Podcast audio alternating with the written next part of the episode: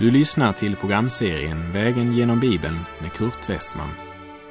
Programmet produceras av Norea Radio Sverige. Vi befinner oss nu i Första Johannesbrevet. Slå gärna upp din bibel och följ med. Vi har kommit till det andra kapitlet i Johannes första brev.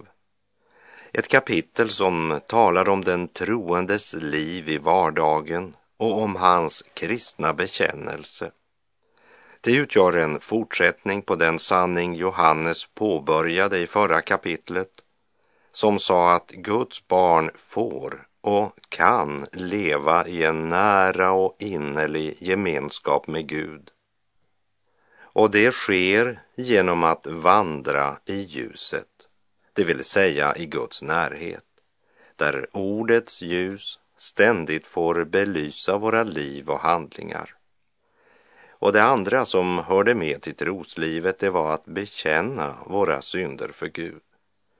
När vi lever i daglig bekännelse och söker Guds ords ljus, så vet vi att Guds sons blod fortsatt renar oss från all synd. Inför Gud ska vi bekänna vår synd och inför människorna ska vi bekänna vår tro och förtröstan till Gud. Vi ska bekänna Jesu, vår frälsares namn. Johannes är mycket realistisk och talar i klartext. Ändå är det möjligt att missförstå honom på två olika sätt vilket antingen leder till ett missmod där vi säger ja, men jag blir ju aldrig annorlunda. Jag kan lika gärna ge upp. Eller också till likgiltighet där vi säger ja, men vi är ju alla syndare. Det är ju bara nåden som gäller. Men Johannes säger, jag skriver till er för att ni inte ska synda. Det vill säga, synden är inte något ni ska kapitulera för, utan något ni alltid ska föra en kamp emot.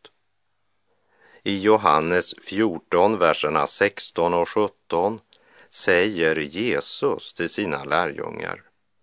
Och jag ska be Fadern och han ska ge er en annan hjälpare som alltid ska vara hos er sanningens ande som världen inte kan ta emot.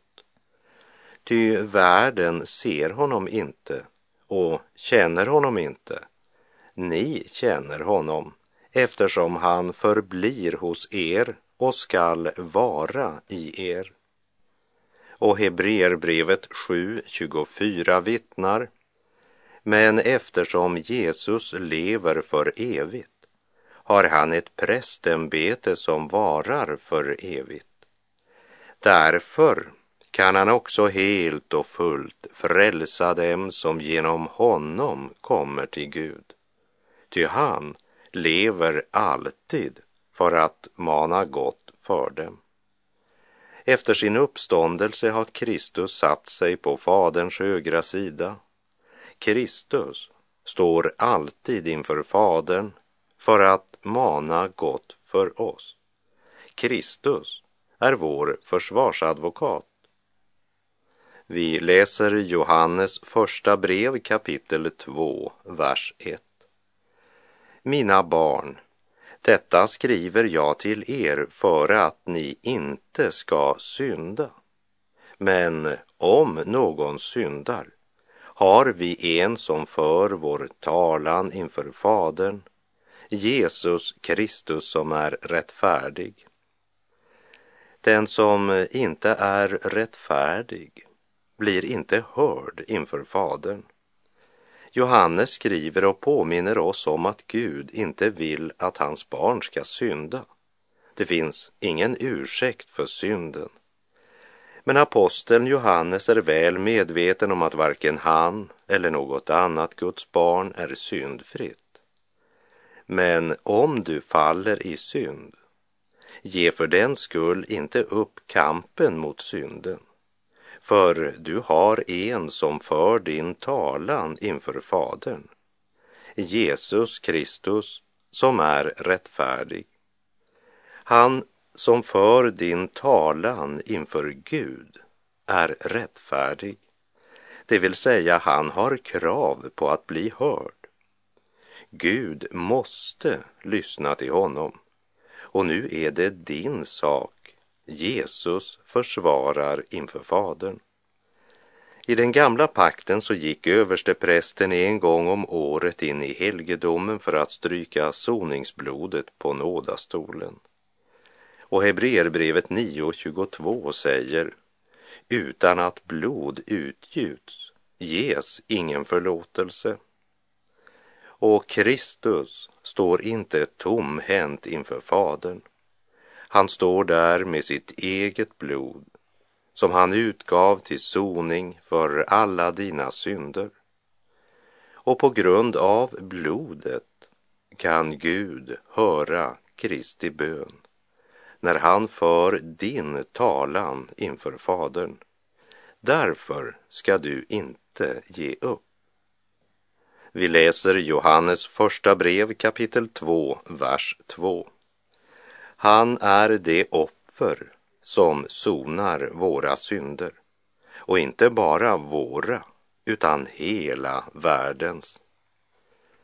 När Jesus står inför Fadern står han inte bara där som den som själv är rättfärdig, men han kan bevisa att det verkligen har skett en soning för dina synder, så att du genom tron står rättfärdig inför Gud.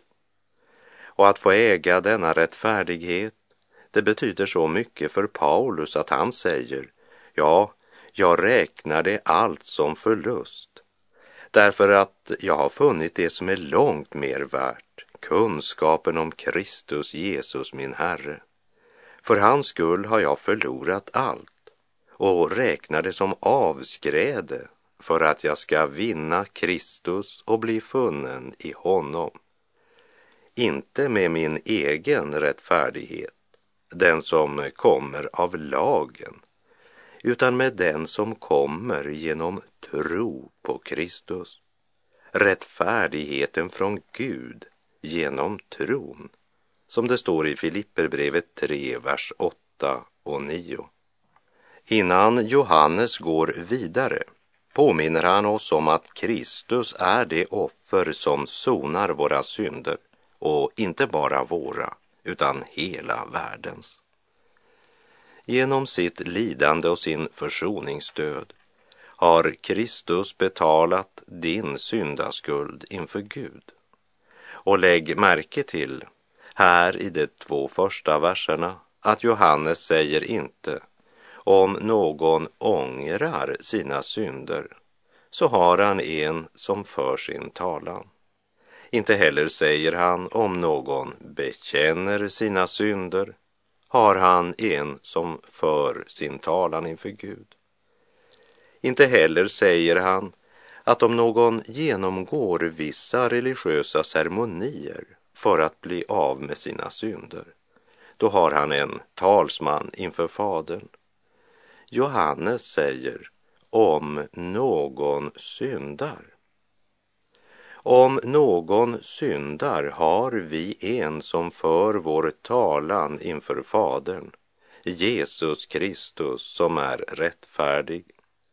Alltså, redan innan vi ångrar de grymma orden vi uttalade, ja, redan i det ögonblick vi tänkte den onda tanken, det ögonblick vi gjorde den onda handlingen, så stod Jesus Kristus inför Guds tron som vår försvarare mot Satans anklagelser.